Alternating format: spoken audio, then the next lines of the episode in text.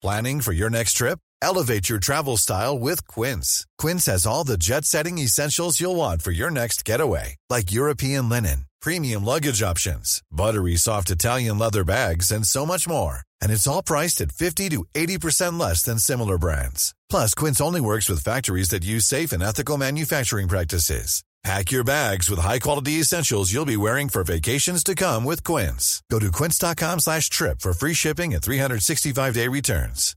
Hey, Dave. Yeah, Randy. Since we founded Bombus, we've always said our socks, underwear, and T-shirts are super soft. Any new ideas? Maybe sublimely soft. Or disgustingly cozy? Wait, what? I got it. Bombus. Absurdly comfortable essentials for yourself And for those facing homelessness. because one purchased equals one donated. Wow, did we just write an ad?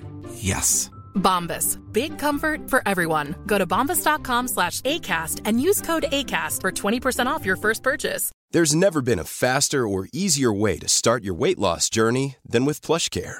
PlushCare accepts most insurance plans and gives you online access to board-certified physicians who can prescribe FDA-approved weight loss medications like Wigovi and Zepbound for those who qualify.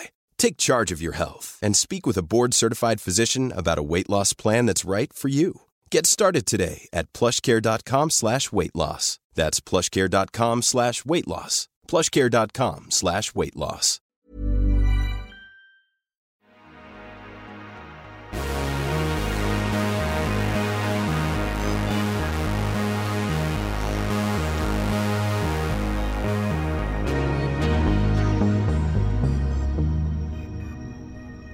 Hej och välkomna till det sista avsnittet av vad vi kan kalla den första säsongen av Intergalaktiskt. Ny Tekniks rymdpodd som görs av mig, Bill Borå, och med dig, Viktor Krylmark. Stämmer bra. Hej. Vi kommer ju ta ett litet uppehåll nu när sommaren dragit igång på allvar, men är förhoppningsvis tillbaka inom kort. Precis. Det är väl eh, inte helt upp till oss kanske, men vi hoppas på en säsong två. Så länge ingen säger något annat så, så kör vi på det. Ja. Ehm, idag ska jag försöka ta med dig, Viktor, och er som lyssnar på ett studiebesök ner till ESOC i Darmstadt. ESOC det ligger i Tyskland och det står för European Space Operations Center. Och det är kontrollcentrat för den europeiska rymdorganisationens olika rymdsonder och satelliter. Det finns några andra ställen eh, som man styr satelliter ifrån. Till exempel tror jag att Europas vädersatelliter kontrolleras från en annan plats. Men ESOC är liksom huvudcentrat för ja, men, forskningsprojekten som till exempel är på väg ut mot planeter eller asteroider och så vidare. Har du hört talas om ESOC förut, Viktor? Det har jag faktiskt inte. Och, eller jo, alltså, jag, vet, jag visste att du har varit där. Men det var första gången jag hörde om ESOC. Och Darmstadt är också ett riktigt starkt ortnamn som låter bekant. Men jag kan inte placera det. Det känns som att det skulle kunna vara en sån där, eh, eh, vad kallas det som de kör på SVT, Vinterstudion. Det är så här Vinterstudion-ort, alltså klassisk skidort. Men jag vet inte om det är det. Det bara känns som att det borde vara det. Ja, alltså det var en ganska konstig stad. Det var väldigt litet, jättemycket hotell, men väldigt tomt. Så det är möjligt att det är något sånt då stort några gånger om året. Ja, Det låg vara. typ en halvtimme från Frankfurts flygplats söderut. Så lite, alltså, jag, kände inte att det var mycket berg eller så heller. Ja, då kanske det inte var skidort då. Ja, men nå- något, något, något med Darmstadt känns bekant. Ja, men där ligger det i alla fall då ESOC. Eh, Det är en del av ESAs olika kontor som ligger på olika ställen i Europa. Ehm, Och jag var där i samband med att den sista Langmyrsonden på rymdsonden JUICE skulle fällas ut i slutet på maj. Och JUICE, som vi har pratat om tidigare i podden, det är ju en rymdsond som sköts upp i mitten av april och är på väg mot Jupiter för att studera planeten och lite särskilt studera tre av dess månar i detalj. Och en Langmyrsond, det är ett instrument som kan användas för att mäta olika egenskaper hos ett plasma. Och de här Langmuir-sonderna på JUICE, de tillhör ett svenskt instrumentpaket som heter RPWI. Mäta olika, vad sa du? Egenskaper hos plasmat eller miljön kring Jupiter och de här månarna. Ja, okej. Ja, för jag skulle precis fråga vad, vad, vad är plasmat liksom? Exakt. Som ett plasma kan man väl tänka sig som en laddad gas på något sätt, eller joniserad gas. Så det är väl egentligen bara partiklar i rymden som är ett plasma. Och mm. runt Jupiter och de här månaderna så finns det då, ja, Jupiter har ett jättestarkt magnetfält. Och i det här magnetfältet så fastnar det partiklar som åker fram och tillbaka. Och man vill ju lära sig lite mer om magnetfältet, det elektriska fältet och hur samspelet är i det här planetsystemet. Och det är det som JUICE ska göra på jättemånga olika sätt. Intressant. Jag har i alla fall dragit på mig alldeles för mycket material från den här resan. Jag var där i en dag. Eh, men, men det finns text där uppe på nyteknik.se att läsa om man vill veta mer. Och sen tänker jag att vi i det här avsnittet delar upp det i lite olika delar. Och så kanske det kan ge en liten känsla av hur det är nere på ESOC och ja, men, vad de olika personerna där arbetar med. Låter bra. Innan vi drar igång så, bara för att recap på Juice, det är ett jätteprojekt, har kostat miljarder euro och inkluderar 23 länder. Jättemånga statliga och privata aktörer. Sverige har också en jättestor del här, för två av de tio instrumentpaketen har letts från Sverige och Institutet för rymdfysik. Det är RPWI och PEP. Vi har pratat om det här tidigare, men kortfattat så ska ju då RPWI mäta elektriska fält och strömmar och PEP ska mäta partiklar på olika sätt. Och sen finns det många svenska bolag och så som också har varit med och bidragit till olika instrument. Var kommer alla de här miljarderna ifrån då? Alltså pengarna? Alltså pengarna är väl ESAs finansiering. Så från oss skattebetalare i de olika länderna. Okay. Eh, och så bidrar ju olika länder olika mycket till ESA. Men eh, ja, jag skulle nog gissa på att det är vi som har betalat för den här. Kul. En gåva. Exakt. Um, nej, men sen finns det ju säkert privata liksom, stiftelser och sånt som ibland är med och sponsrar vissa projekt. Jag är generellt inte så intresserad av ekonomin när det kommer till sånt här, så jag, jag brukar inte läsa på om det. Nu ska jag inte pressa dig mer om det. Nej.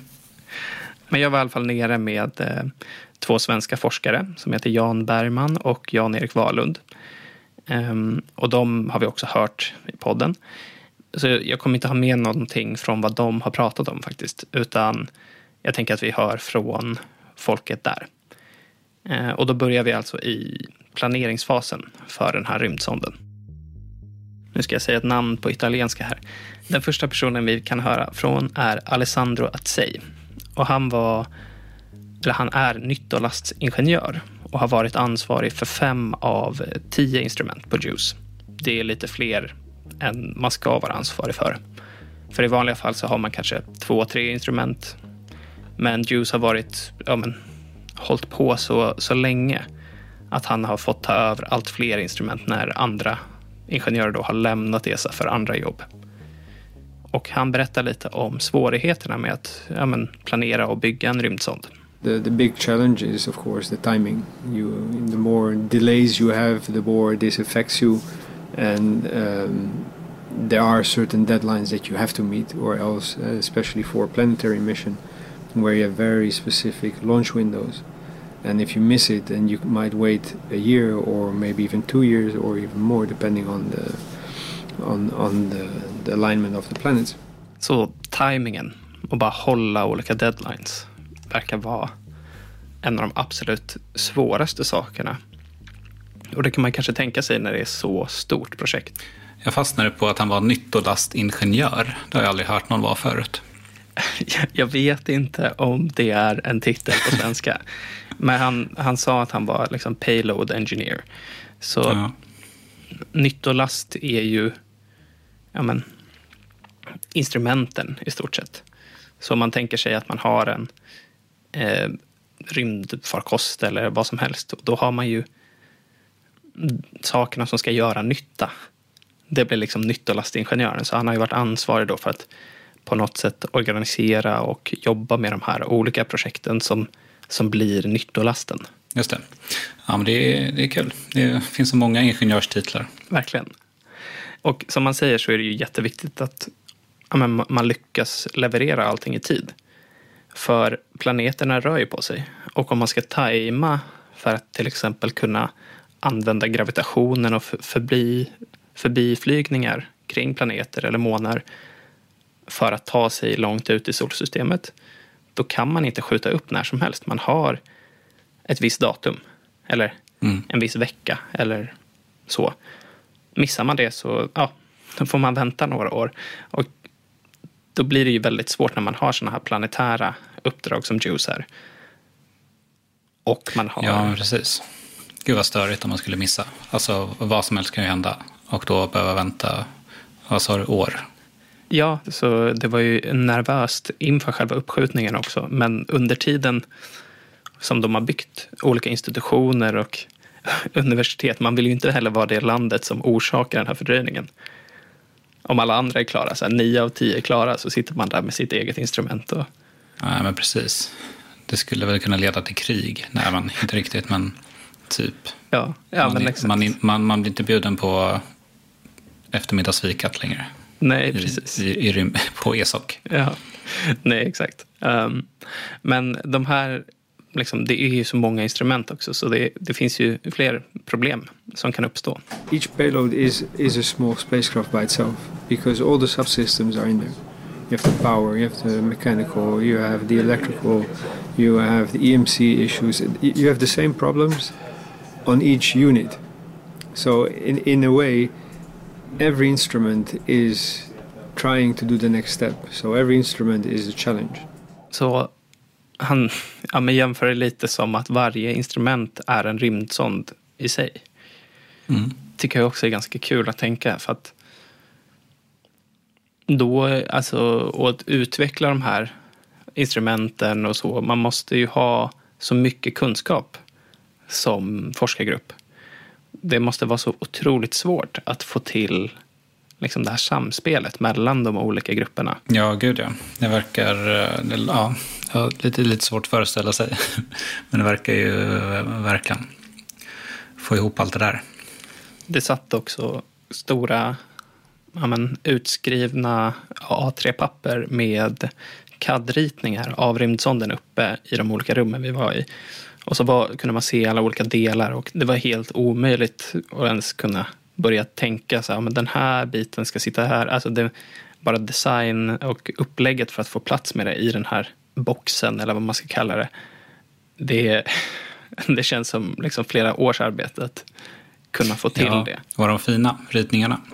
Men de var ganska fina ändå. Men alltså, det var för mycket för att ta in det var, ja, men jag fick lite förklaringar av vad olika saker satt och sådär men jag, jag hängde inte riktigt med. Nicka log. Exakt. Har du byggt något avancerat någon gång? Jag har inte det. Alltså det mest avancerade är ju så här tech-lego-grej som mm. är lite mer avancerat lego. Men det går ju typ inte att misslyckas med och absolut inte att jämföra med en superavancerad rymdsond som har kostat, vad du nu sa, 23 miljarder euro. Nej, jag vet, eh, det var 23 länder med, men jag tror att den har kostat nära 2 miljarder euro. Ja, Okej, okay. jag blandar eh, ihop siffrorna. Ja. I alla fall, så de här då olika nyttolasterna eller instrumenten, de är som egna rymdsonder och då uppstår ju problem att de ska samspela med varandra. För vad händer om du med ditt instrument har en radiomottagare eller någonting och sen har någon annan en radiosändare för att kunna göra mätningar av någonting. Då kommer ju de automatiskt att vara problematiska för varandra. Okej. Okay. Och sånt måste man också tänka på. Electromagnetic compatibility. And, and this is one of the things when you have emitters they will or can disturb other instruments. So you need to measure this. How does it disturb? And if it does, what do you do? So all these things you have to agree amongst each other. Förstår du problematiken med det här? Nej. Så om du har, om du tänker dig att du med dina då, låt oss säga de här Langmuir-sonderna, ska mäta någon sorts elektriskt fält eller någon elektromagnetisk våg ute i rymden. Då vill du ju helst att det inte ska vara några andra elektromagnetiska vågor runt omkring som kan störa den veten, vetenskapliga datan du samlar in. Ja, nej. Sen sitter ett annat instrument bredvid ditt. Ett radarinstrument kanske. Som skickar signaler för att studsa på isen på en av månaderna för att kunna mäta hur tjock isen är. Om den elektromagnetiska vågen som skickas ut hamnar i närheten av din mottagare då kommer du inte se några vetenskapliga data utan då kommer du bara ha massa störningar från det här andra instrumentet. Ja, nej, det låter ju inte svinbra. Det är mycket sådana diskussioner som har förts. Var ska man placera de här för att få det så optimalt som möjligt? Mm. Och man håller just nu faktiskt på att ska ja, men, testa lite om de faktiskt stör varandra i rymden. För man har inte kunnat testa det när det var på marken. Och om det visar sig att de stör varandra, då måste man sen också bestämma vilket ska få vara på när. Och då Ja. kanske man har lagt ner jättemycket tid på att få ett instrument som ska göra något specifikt vid en förbiflygning av en måne eller så. Och sen är det en annan grupp som har gjort samma, men instrumenten stör varandra så mycket att man inte kan ha dem på samtidigt. Så Ja. det, det, det där kan bli jättesvårt när man väl är uppe. Liksom. Och sen måste man ju då argumentera mot varandra. Vems forskning är värd mest? Ja, men precis. Men eh, fick du någon in- indikation på att man har planerat upp det här innan? Eller kommer allt det här att eh, öppna sig som ett stort problem när, när sonden väl är framme? Nej, så man har ju liksom gjort jättemycket eh, liksom förstudier på så att det här inte ska vara ett problem. Men man har ju inte kunnat testa det helt. Så eh, man kommer göra tester för att se lite mer när det väl är uppe nu i rymden hur det faktiskt påverkar varandra. Så det intrycket jag fick att ja, men man har ju testat mycket och så, men också vi måste få upp det nu, vi har det vi har, nu kör vi. Precis, vad är tidsfönster att passa? Exakt. Men min känsla var ändå att ja, men, de, de vet ju vad de gör. Jag frågade i alla fall Alessandro lite ja, men hur det kändes nu när Juice närmade sig den sista utfällningen av ett instrument och alltså skulle vara helt fully deployed, som det kallas, i rymden. when you see it build up, when you see that it's becoming real in in the clean rooms, when it goes into the thermal vacuum chamber and everything works, and then especially it goes to Kourou and you see it for the last time before you know now it goes to the launcher and you will never see it again. These are all moments that are very uh, very special, let's say. Then of course the launch, and then the deployments, and uh, so also today is a big day because after this last Langmuir probe deployment, Juice is in its final configuration. Everything is deployed. Det lät ju som att eh, han tyckte att det var lite sorgligt nästan. Ja, han, han log väldigt mycket och var alltid väldigt glad. Men just där så lät han lite så här, ja, nu, ja men nu är det det det är, typ. Alltså man kan ju uppbringa känslor för vad som helst egentligen. Så att det är inte så konstigt ifall han typ har kommit nära Juice. Och så här, ja, Men lite så. För det är ju verkligen, men när man sköt upp det från Kourou och sen några timmar senare då när det lämnar på något sätt synfältet. Man kommer ju aldrig se den här rymdsonden. Den kommer ju åka förbi jorden några gånger. Men ja, han kommer ju personligen aldrig vara nära den igen. En känslig dag för många tror jag, när jag var där. det var det säkert. Men låt oss flytta oss till kontrollrummet då. Ehm, som jag först och främst vill säga, bara, det var lite av en besvikelse. Eh, för när jag blev tillfrågad att följa med ner så såg jag framför mig det här stora nedsläckta rummet med massa skärmar och folk med headsets och ja, stort pådrag.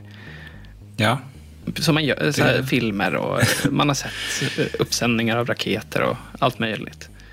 precis. Det fanns förväntningar. Ja, men det, det var en vanlig kontorslokal. Eh, Det var ett rum. Det var på ett sätt uppfriskande, men lite trist. Ett rum med vita väggar och skrivbordsplatser typ, eller? Ja, alla satt, de satt liksom på rad, sex personer eller så. Väggarna var, var nog vita, men det var massa uppsatta planscher med meddelanden från andra rymdfarkostgrupper som hade gjort lite hälsningar till teamet. Okay. Jag satt en juice-container och lite sånt på väggen. Ja, dåliga ordvitsar och, och sånt. Det var lite pimpat, men det var inte ett uh, sci-fi kontrollrum som du hade, som du hade väntat dig. nej, nej, exakt.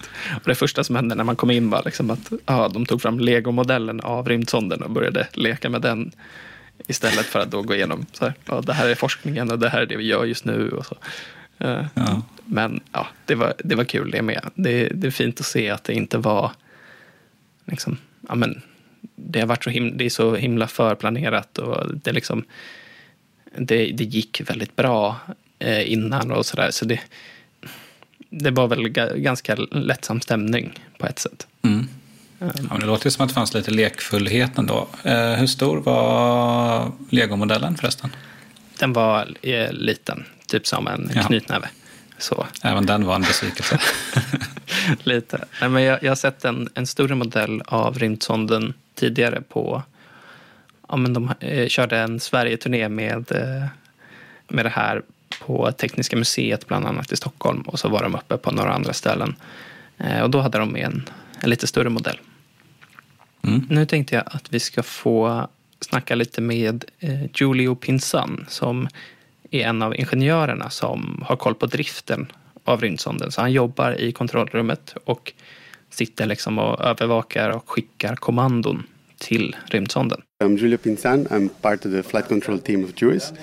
My role is a system AOCS engineer. So, mm. so system for whatever entails in particular in these days, the deployment and so on. And uh, AOCS is our uh, attitude and orbital control system. Yeah. So you're in the control room when everything happens. Exactly. Yeah, yeah, yeah. Has it been exciting this week?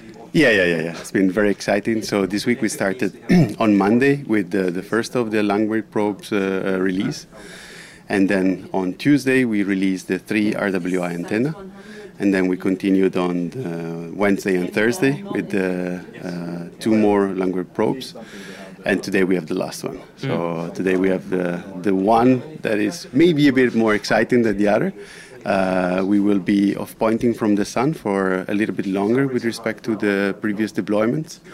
It is the last one, uh, the deployment at all for Jewish, so it's a bit uh, the cherry on the cake. Han lät lite peppad ändå. Ja, nej, men han var väldigt, väldigt peppad. Det här var en stund innan själva ja, men instrumentet skulle fällas ut. Och som han sa så ja, men de behövde vrida rymdsonden lite för att på ett sätt värma upp själva bommen som skulle släppas lös. Och det är en tre meter lång bom som ska vecklas ut. Och så har den som en sfärisk eh, sond eller så på slutet av den här bommen. Och när man släpper den så behöver den vara varmare än vad den är just ja, om vi tänker oss att den inte har släppts ut än. Så man behöver rikta rymdsonden, få lite solljus på den ett tag och sen kan man mm. släppa. Okej. Okay. Och, det är för att det nyfiken inte ska... På hur de, uh, nyfiken på hur de kom på det. Ja, jag tror att det är... Ja, det kan nog vara något man har fått erfarenhet av kanske av tidigare uppdrag när sånt inte har gått så bra eller bara att ja, själva bommen om jag minns rätt är den gjord av kolfiber. Och jag tror att den är väldigt, väldigt kall när den inte då är riktad mot solen. Att typ så här, vad kan det vara, minus 100 grader Celsius eller något. Och då är det väl mycket farligare eller mer, mer troligt att den går sönder om den rör sig kraftigt eh, när den är så kall. Ja, ja låter rimligt. ja, men det, det är som med mycket av det här. Det låter rimligt, men man, man, ja. vet, man vet inte eh, riktigt om det är för att det någon gång har gått fel. Det skulle vara jättetråkigt, men då har man ju lärt sig det till de här uppdragen. Ja, men precis. Så en kort stund innan det här kommandot skulle skickas för bomutfällningen så fick jag, Jan-Erik och Jan komma in i kontrollrummet. Innan det så satt vi faktiskt i ett annat, lite mindre rum Eh, eller själva rummet var faktiskt större, men det, det var inte lika häftigt. Eh, och där övervakade de allt som hände och hade kontakt med kollegorna i kontrollrummet på länk. Och dagarna innan det här så hade det gått bra. Så man fällde ut en sån här bom om dagen. För att du behövde rotera, fälla ut den, rotera tillbaka och då ja, men tog det lite tid. Och sen som alla andra arbetsplatser så verkade de ha arbetsdagar och liksom gå hem sen och bara läm lämna sonden. Så det var liksom ingen direkt stress med att göra allting så snabbt som möjligt utan man diskuterade lite. Ska vi vänta en Ska vi vänta till imorgon? Lite så. Mm. Um, Intressant. Ja, för själva ja, Juice är ju på väg. Den har sin bana. Den gör liksom, det ska ta åtta år för den att komma till Jupiter. Det är klart att det är fördelaktigt att fälla ut allting nu, se så att det funkar, kunna börja ta tester och så. Men det är ingen jättestress heller, verkar det som. Ja, nej, det är åtta år, då har den tid på sig.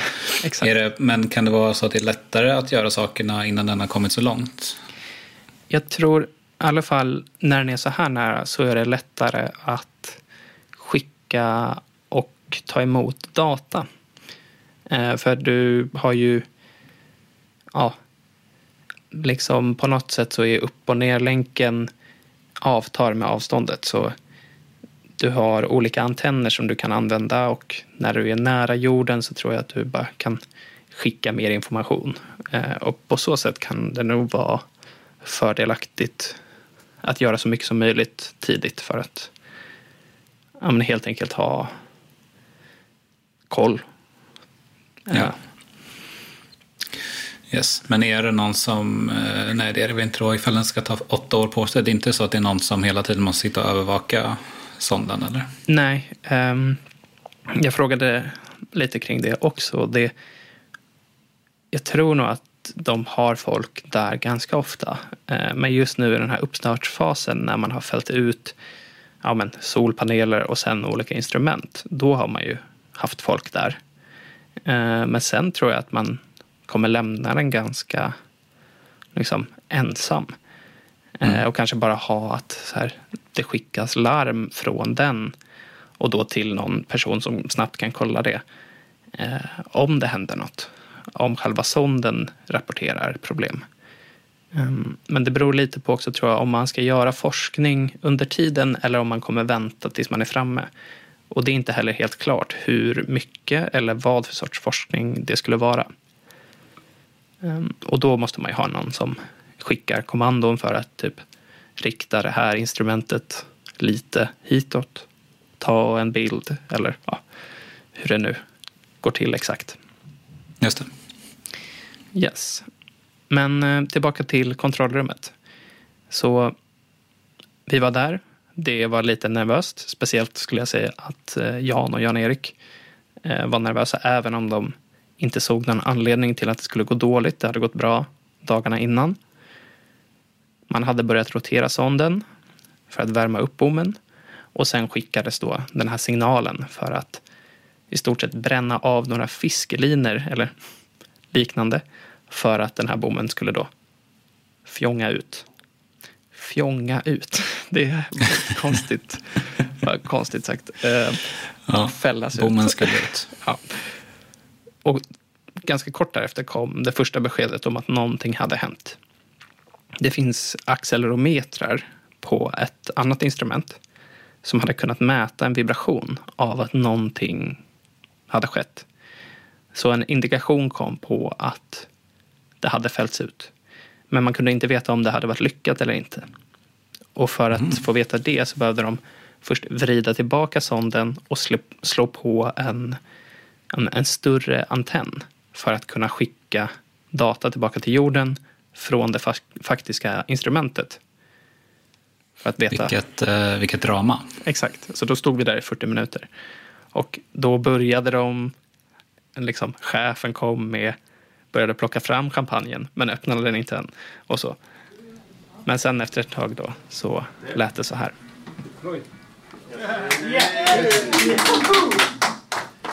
So we have telemetry confirmation of uh, deployed LP1. We got all four of them up. Hey, micro switch. Thank you.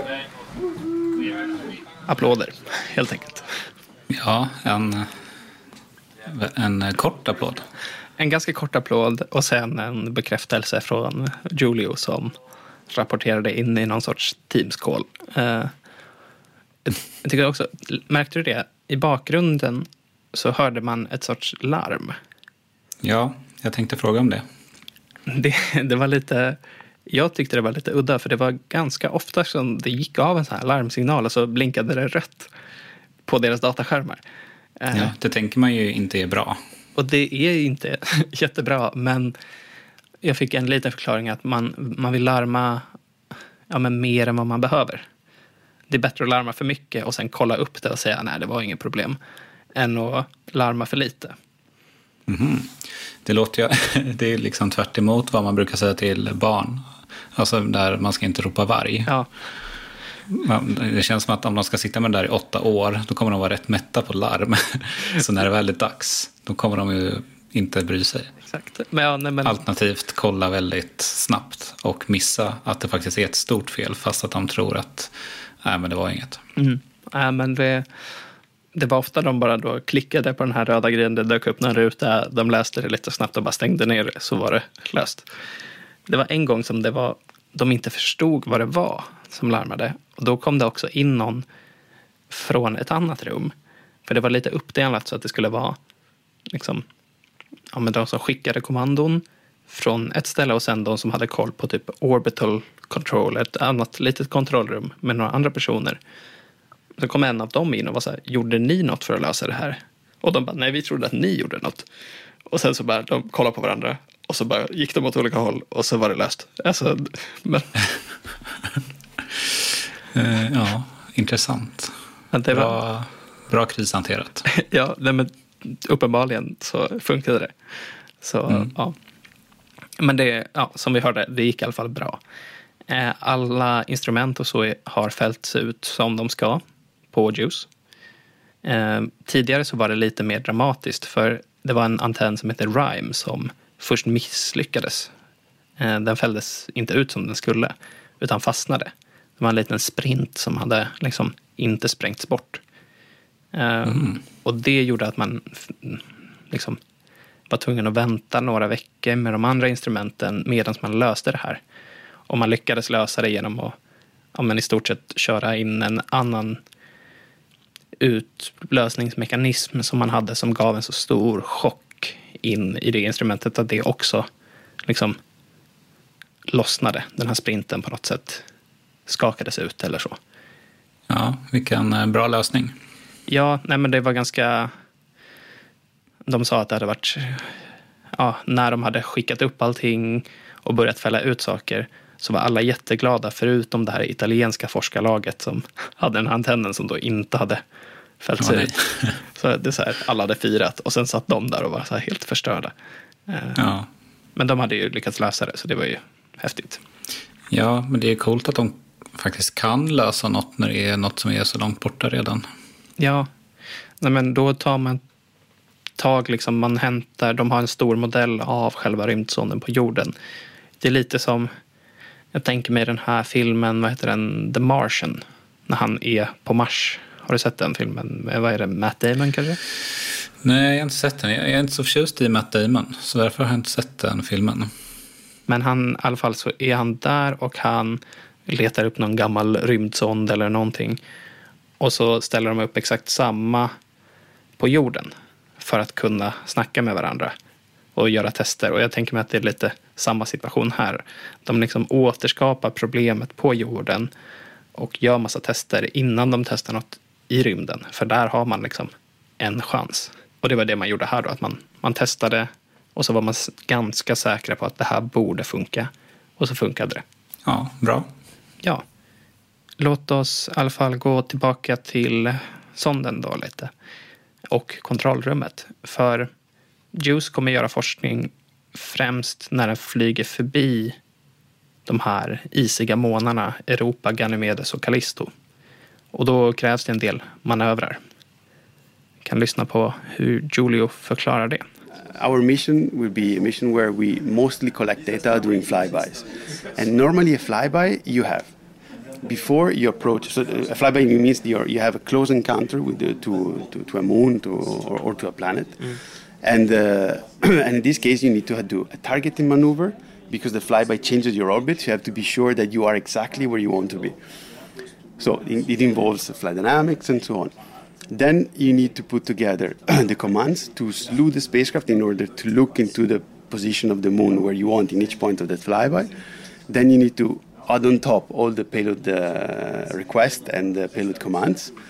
And then once the, flyby is done, then you need to downlink all the data, turn back to Earth, do a cleanup maneuver because the flyby always introduces a little bit of disturbance. And so we call them like literally system um, uh, operation because they involve everyone. Mm. and uh, it takes a lot of planning. And each time they're slightly different. So it's not that we can copy paste and reproduce. We try to but in most cases we need to each time I add a little bit of a different flavor. And uh, so if we get our mission extended it will be just something very similar to this. So it, we would just need to understand how this should look like. What do we want to see? So this comes from the scientist and so on, and then create uh, the, the, new, yeah. the new recipe yeah. for it.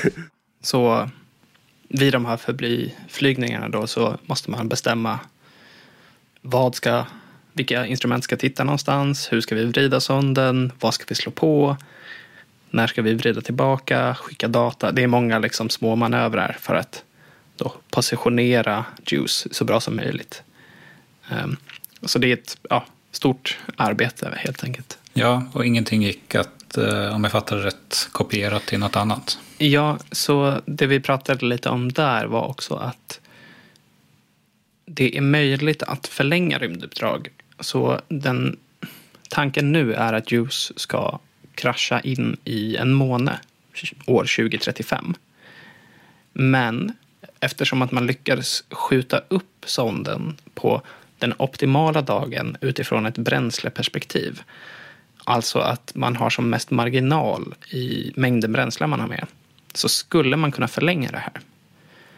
Och då så måste man skriva nya kommandon för liksom det nya man vill göra då. Eh, och där är det liksom inte möjligt bara att copy-pasta från någon tidigare grej. Men man kan göra det till stor del. Eh, mm. Okay. Men egentligen så följer man bara så en jätte, jätte, jättelång lista med tiotusentals kommandon som bildar en jättetjock tidslinje på något sätt. Vad går den på för bränsle? ja, uh, jag, vet inte. Uh, det känns som att så här, rymdgrejer ofta har flytande någonting. Mm. Typ flytande kväve eller syre eller något. Låt oss googla lite snabbt. Juice ESA Fuel. Den har... Juice har en huvudmotor som kan producera 425 newtons thrust. Och den använder sig av monomethylhydrazine fuel. Och mixed oxides of nitrogen oxidizer. Så om det säger dig något så tar vi det. Det säger mig absolut ingenting, men vi går vidare. ja, någon sorts bränsle. Yes. Låt oss gå till den sista personen jag tänkte att vi skulle prata med. Och det är Angela Dietz. Hon är Deputy Spacecraft Operations Manager för JUICE. Så hon, ja, hon kan introducera sitt jobb själv tror jag. Okay, you've been talking to Julia earlier. He's uh, he's uh, quite dedicated to a certain subsystem. I'm less so. I'm more like uh, yeah, doing more coordination, doing more a lot of interfaces to the various like instrument teams, for example, like to uh, also to the project scientists, to the the, the, the science group in in in ESAC in, in Spain, for example. Um, yeah, and just uh, trying to fit all the pieces together. Um, and also um, quite involved in mission planning, so um, planning the operations, uh, making sure they go up to the spacecraft, and yeah, just uh, the, making sure also of the processes and so on. Så hon arbetar lite mer övergripande med hela projektet, som en klassisk chef kan man väl tänka. Projektledare typ? Ja, exakt. Um, och där nämnde hon ju också då ESAC, som inte är ESOC. Och det är en annan av ESAs delar och det är den vad ska man säga, vetenskapliga delen. Och den ligger i Spanien. Så medan kontrollen och driften av rymdsonderna är i Tyskland så sköter man den vetenskapliga delen i Spanien. Varför då? Eller ja, det, det är såklart i hela Europas... Exakt. Eh, vad heter det? Så att de måste sprida ut sig lite. Ja, det finns också ett stort centrum i Nederländerna tror jag och huvudkontoret, vad kan det ligga? Paris, gissning. Um, det är lite utspritt helt enkelt. Um, mm. Och det är väl rimligt. Överlag, som vi sagt, allt har gått bra med Juice sedan Rime-antennen också skakades loss. Men tydligen så är det alltid lite små problem med de här rymdsonderna när de har skjutits upp. There's some issues with some softwares, uh, some some technical issues also not not many though I must really say um, it's a really nice spacecraft yeah. no I'm really uh, I, am coming from Baby Colombo and I was also on Rosetta in the past mm. and uh, yeah, after Baby launch there were much more things happening and ongoing and uh, but here I have the feeling the spacecraft is in a very good shape it's performing super well as well the payloads um, mm. this okay minor issues everywhere a little bit but they're, they're really very small tycker det låter så kul att bara så här, ja, det är lite mindre problem lite överallt, men överlag känns det bra. Typ. Precis. Jag eh, slutade lyssna efter att hon sa något som hette typ Baby Cologne eller något. Ja, hon sa eh, Beppi Colombo. Och det är en rymdsond som är på väg till Merkurius. Okej. Okay. Och sen sa Beppi Colombo. Också, ja. Riktigt bra namn också. Ja, visst. Och sen sa hon också Rosetta. Och det är ja, men ett annat rymduppdrag från ESA som jag har för mig studerade en komet. Så hon jämförde ju då äh, känslan efter uppskjutningen av Juice med den från ja, eh, Beppe Colombo. Och då var ju känslan att det var väldigt lite problem här. Men man har fortfarande en del så här mjukvaruproblem och sånt. Äh, och fördelen här är att ja, men Juice är fortfarande nära. Man kan och kommer att skicka upp programvara som installeras i rymden. Mm. Så man kommer liksom uppdatera mjukvaran på alltså, något sätt. Ja, precis. Här. OTA-uppdateringar ja. som det kallas i ja, typ alla industrier antar jag. jag skulle säga bilindustrin men kom jag på att det gör man ju på mobiler och allting. Alltså over the air-uppdateringar. Mm. Exakt, så det det är fortfarande möjligt för de olika då forskarlagen nu när de börjar samla in data för att testa allting att se att oj, det här funkade inte alls. Men då har de i alla fall hårdvaran på plats. Och så kan de uppdatera sin mjukvara och liksom lösa små problem. Eh, mm. Så det är ju det är först nu som de kan testa saker på riktigt. För de, återigen, de har inte varit i rymden förrän då i april och nu nyligen så är allting utfällt och, och färdigt. Ja, det är svinbra att de kan göra det. Ja, exakt. Så ja, överlag kan man väl säga att de jag träffade i Tyskland, deras jobb började efter uppskjutningen. Det här är ju då driftteamet, och där tog man över kontrollen av rymdsonden men, kort efter att raketen ja, men, lämnade marken och rymdsonden var i rymden. Uh, yeah, it's just fun to to make it work, and uh, we've been planning a long, long time, many, many years, and now we are actually so really the our work really starts when with launch, uh, before we're just preparing, getting ready, and then we're actually in space, and then we we start. Or the other participants, like the the, um, the, project team, for example, or the um, uh, the industry team, they're they're now going away from the mission. They're supporting only on a small basis, um, so they're working many many years. But then they when the thing's up, they they finish their job.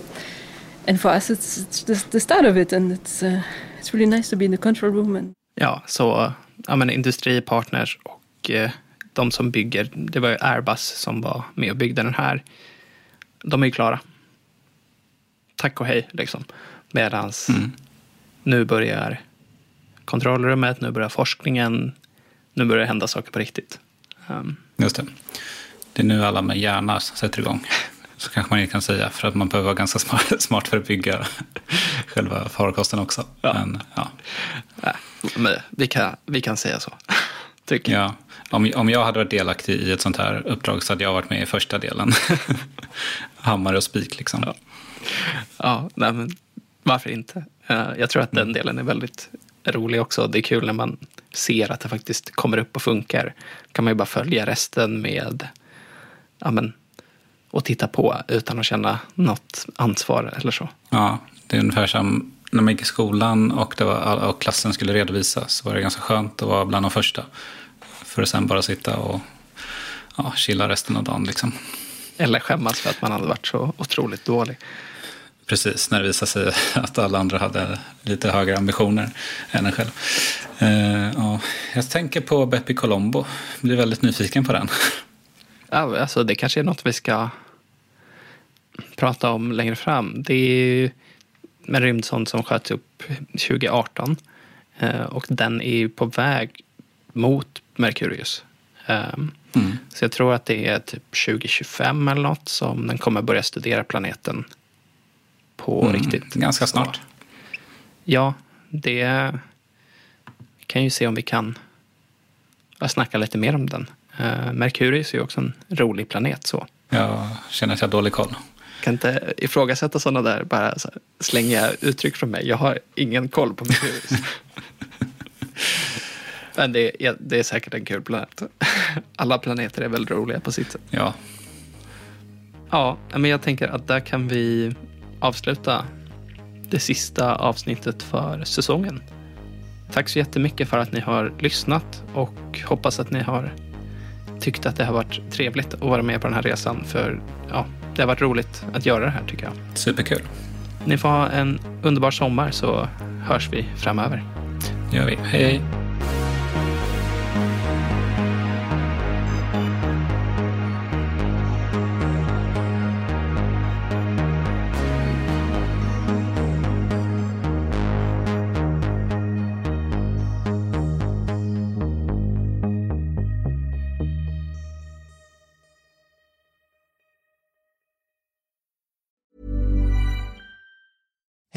It's Danny Pellegrino from Everything Iconic. Ready to upgrade your style game without blowing your budget? Check out Quince. They've got all the good stuff shirts and polos, activewear, and fine leather goods, all at 50 to 80% less than other high end brands. And the best part? They're all about safe, ethical, and responsible manufacturing. Get that luxury vibe without the luxury price tag. Hit up quince.com slash upgrade for free shipping and 365 day returns on your next order. That's quince.com slash upgrade. Hi, I'm Daniel, founder of Pretty Litter. Cats and cat owners deserve better than any old fashioned litter. That's why I teamed up with scientists and veterinarians to create Pretty Litter. Its innovative crystal formula has superior odor control and weighs up to 80% less than clay litter. Pretty Litter even monitors health by changing colors to help detect early signs of potential illness. It's the world's smartest kitty litter. Go to prettylitter.com and use code ACAST for 20% off your first order and a free cat toy. Terms and conditions apply. See site for details.